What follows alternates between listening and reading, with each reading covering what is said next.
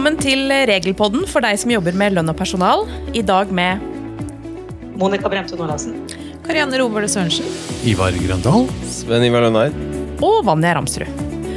Og det betyr jo faktisk at i dag er hele juridisk avdeling samlet på denne her årets siste regelpod. Ja, Monica, jeg skjønner at du har eh, tatt med deg i dag litt sånne råd og tips i forbindelse med at vi får nye varslingsregler 1.1 i 2020. Ja, det er jo sånn at de reglene som finnes om varsling i arbeidsmiljøloven, de kom jo opprinnelig inn i 2006. Og så ble det gjort flere endringer 1.7 i 2017. Blant annet så ble disse reglene samla i et eget kapittel 2a i arbeidsmiljøloven. Men nå får vi jo på nytt endringer i regelverket fra 1.1 eh, til neste år, altså 2020. Og det er jo behov for endringer for å bidra til at reglene blir enda tydeligere enn det de er, og mer forutsigbare. Og de har jo som et formål av disse endringene å styrke vern av varslerne. Og så skal de gjøre det enklere for virksomhetene å håndtere varsling på en god måte. Altså Man styrker nå ytringsklimaet i virksomheten enda mer. Bl.a. til at reglene får et utvidet virkeområde, sånn at flere vil få retten til eh, å varsle. Eh, og så får jo også arbeidsgiver flere plikter da, i forbindelse med varsling som skjer i virksomheten. Det vil også bli lovfesta noe innhold i noen ulike begrep, altså begrepene kritikkverdige forhold, forsvarlig fremgangsmåte og gjengjeldelse. Her lovfestes jo innholdet i, i, reglene. Det kommer som en endring fra 1.1.2020. Eh, og så tas det inn regler om arbeidsgivers plikter etter å ha mottatt et varsel. Eh, det innføres også et objektivt erstatningsansvar for økonomisk tap etter gjengjeldelse. Så det er jo faktisk en del endringer som kommer. Jeg tenker Det er greit å nevne dette med rutiner, for det ser vi jo faktisk at det er en del som egentlig ikke har helt på plass dette med rutiner. Men det er jo sånn at alle virksomheter som jevnlig sysselsetter minst fem arbeidstakere, de plikter å ha skriftlige rutiner for uh, intern varsling. Men også virksomheter med færre ansatte enn eh, fem skal ha slike rutiner hvis det er forhold da, i virksomheten som tilsier det. Mm. Og her kommer det en endring på dette med hva de skal inneholde. For det er også lovfesta hva rutinene skal inneholde. Og her kommer det jo en endring i denne paragraf 2a6 fjerde ledd bokstav c, som sier noe om fremgangsmåten for hva arbeidsgiver skal gjøre. Hvor det nå kommer tydelig frem at fremgangsmåter for arbeidsgivers saksbehandling ved mottak, behandling og oppfølging av varsling skal være klart skrevet i, i rutinene. da. Um, og Det kan jo være greit å se den her i sammenheng med denne nye bestemmelsen som kommer om at arbeidsgiver har en aktivitetsplikt når man mottar et varsel.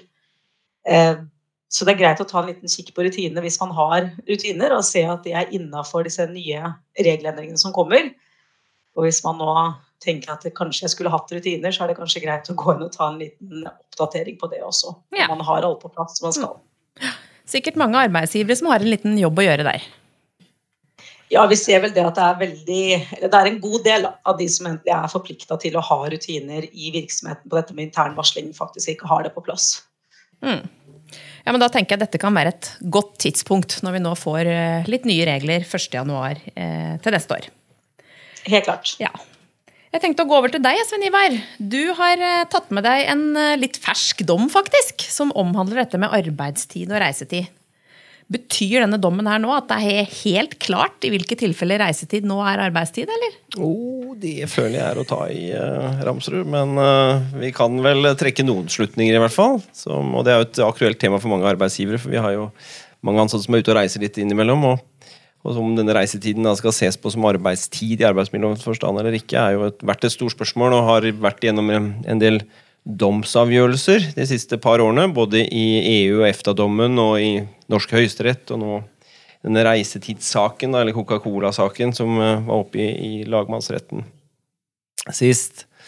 Eh, og da jeg tror vi må slå fast at uh, vi ikke har noen helt generell måte, regel som tilsier at alle reiser uh, man utfører, og den tiden man bruker, skal ses på som um, som, som, reisetid. Det blir å trekke det for langt, men at det må gjøres en konkret vurdering. Og Hvis vi skal trekke noe generelt ut av de dommene og den rettspraksisen vi har, rettspraksisen vi har hatt så langt, så er det jo noen momenter som går igjen. Som arbeidsgiver kan jo merke seg, og det man sier, er at uh, det er liksom tre momenter da, som en, en arbeidstaker da må én enten utføre sin virksomhet eller arbeidsoppgaver, som det heter, eller to stå til arbeidsgivers disposisjon, og tre være i arbeid. Det er liksom de tre stikkordene som uh, man skal titte på. Og helt kort så hvis vi ser på det første, dette med at man må på en måte utføre sin virksomhet eller arbeidsoppgaver, så tenker man på at poenget er at, at på måte, den pålagte plikten til å reise da, må være noe man gjør innenfor rammene av de forpliktelser man har i et ansettelsesforhold. Eh, og det er i praksis ikke så vanskelig å avgjøre. Man gjør gjerne denne reisen fordi man enten skal holde et kurs et sted, eller har en arbeidsoppgave et annet sted.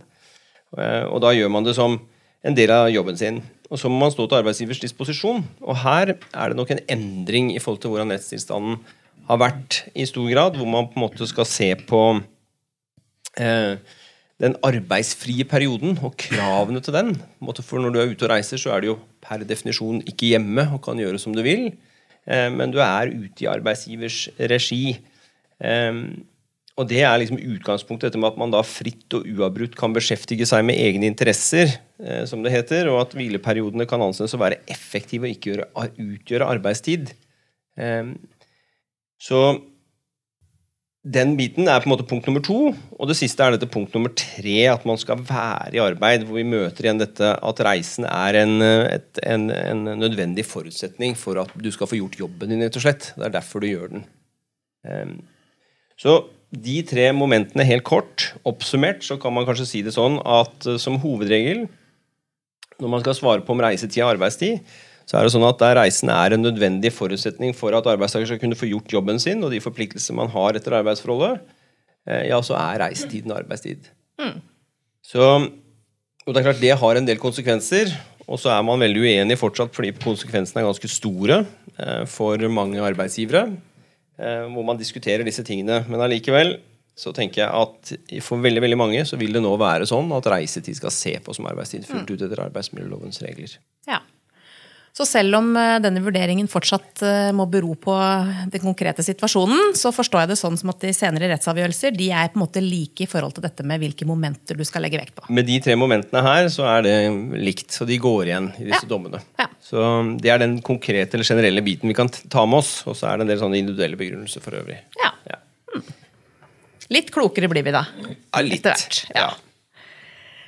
Og så over til dere, da, Karianne og Ivar. Jeg regner med at eh, dere også ønsker å si noen ord før vi runder av året?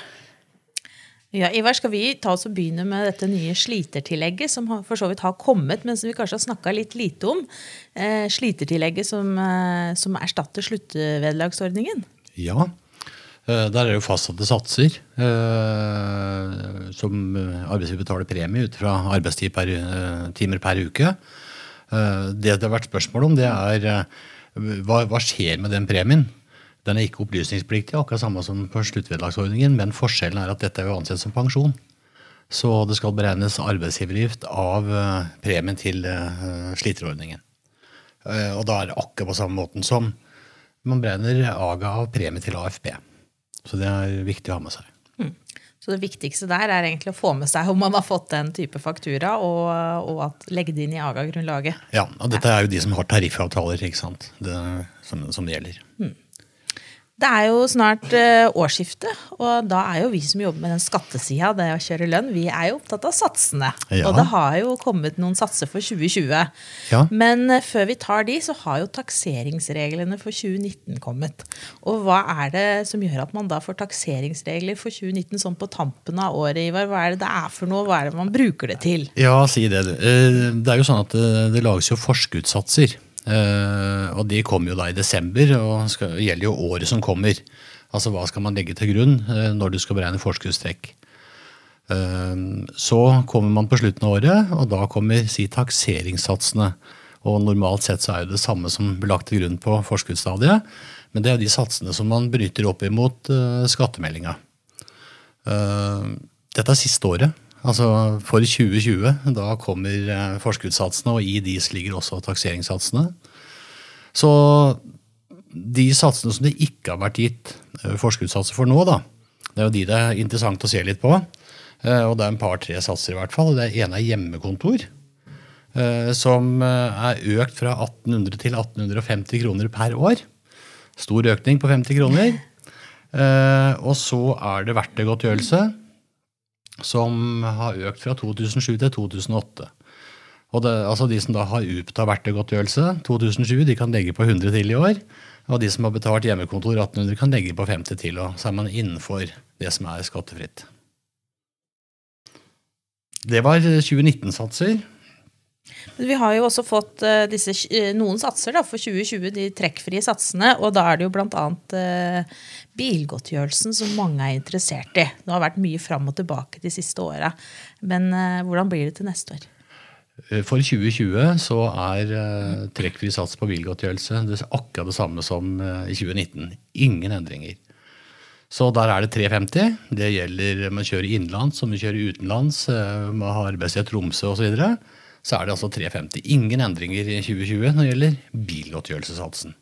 Den trekkfrie. Nei. Så noen ting blir som det er. Noen blir, Ja, det er jo kanskje godt det òg, da. ja. Men de som har firmabil, da, der er det jo denne listeprisgrensen. og Hva er det den egentlig brukes til, og, og hva er ny grense for 2020? Listeprisgrensen det er uh, en grense som man beregner si 30 av opp til. da, Og så er det 20% av det overskytende. Så uh, jo dyrere bil, jo, jo si lavere skattemessig verdi forholdsmessig. da. Den gamle grensen lå på 308 500 eller sånn. Og den nye for 2020 ligger på 314 400. Dette er bakt inn i lønnssystemet, altså det beregnes automatisk. Så økningen i fordel da, Jeg har jo gjort en liten enkel beregning på det. og Det tilsvarer Hvis listepris på bilen er over da, den grensa, så er økningen 49 kroner og 20 øre per måned i økt skattemessig fordel. Så det, det, er ikke så store utslag, men, men, dog, da, så er det en endring. Mm. Eh, disse elbilene de var det jo litt snakk om i fjor, at man skulle endre den gunstige ordningen for beskatning. Har det skjedd noe der da? Det ikke, ikke skjedd noe. Altså, det var jo Forslaget for, for 2019 var jo at det, det skulle nulles ut. ikke sant? Ikke ha fordel. Så ble det 60 og 60% av opprinnelig listepris er videreført også i 2020. Så der er heller ingen endring. Vi kan også ta med at uh, treårsregelen, altså redusert uh, 25 da, i fordelsbeskatningen, gjelder fortsatt, treårsregelen. Og 40 000 kjørt yrkeskjøringreduksjon, yrkeskjøring, reduksjon, den er også videreført. For de som er yrkesbiler, så vil jo også sjablongberegninga der bli noe høyere, siden man bruker samme si, knekkpunkt på 30% Og så har vi noen sånne spesielle biler hvor eh, listepris ikke står i forhold til privat fordel, er ikke det noe sånt det heter? Mm -hmm. Som nå er økt eh, fra 55 til 56 000 per år. Mm. Det er vel det vi pleier å si at er en litt sånn snever unntaksregel, Ivar, og at man egentlig bør undersøke om man får lov å bruke den eller ikke? Ja, jeg syns du hadde et veldig godt uh, poeng her, Karian, når du sier at det, det gjelder ikke direktørens uh, Tesla.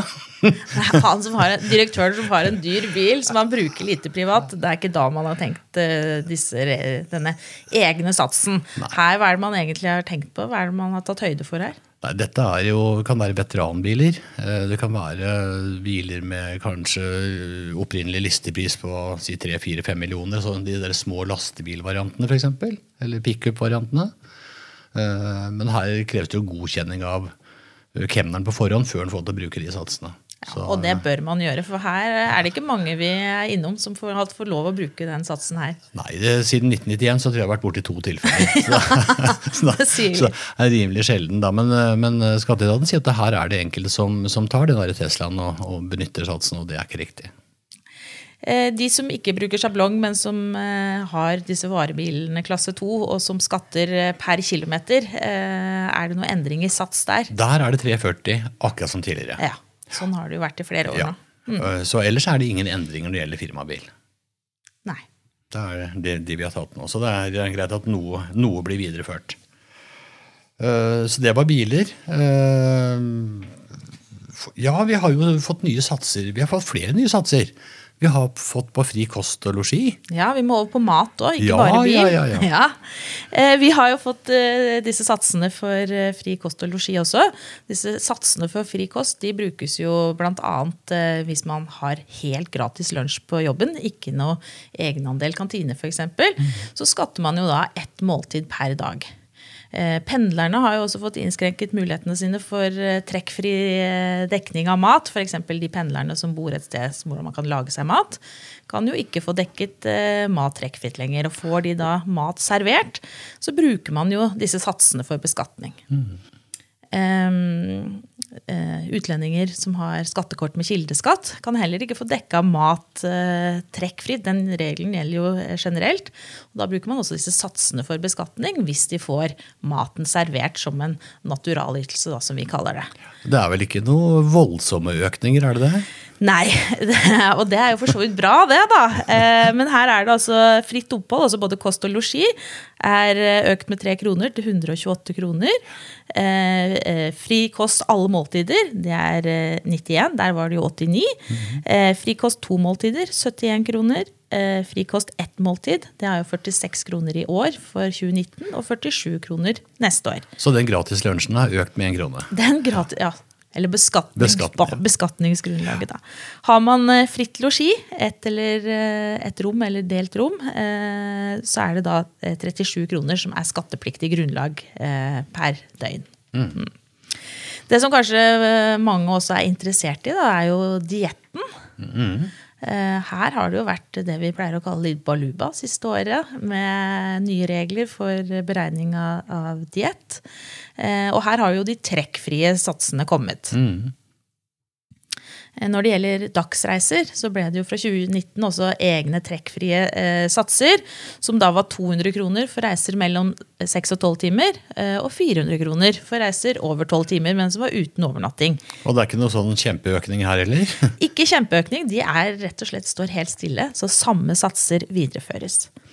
Eh, når det gjelder reiser eh, med overnatting, så har vi jo denne tredelingen avhengig av hvor den ansatte overnatter. Og her har man jo økt eh, de trekkfrie satsene litt. Eh, for de som er på reise og bor på hotell, kan da fra 2020 få 589 kroner trekkfri diett per døgn.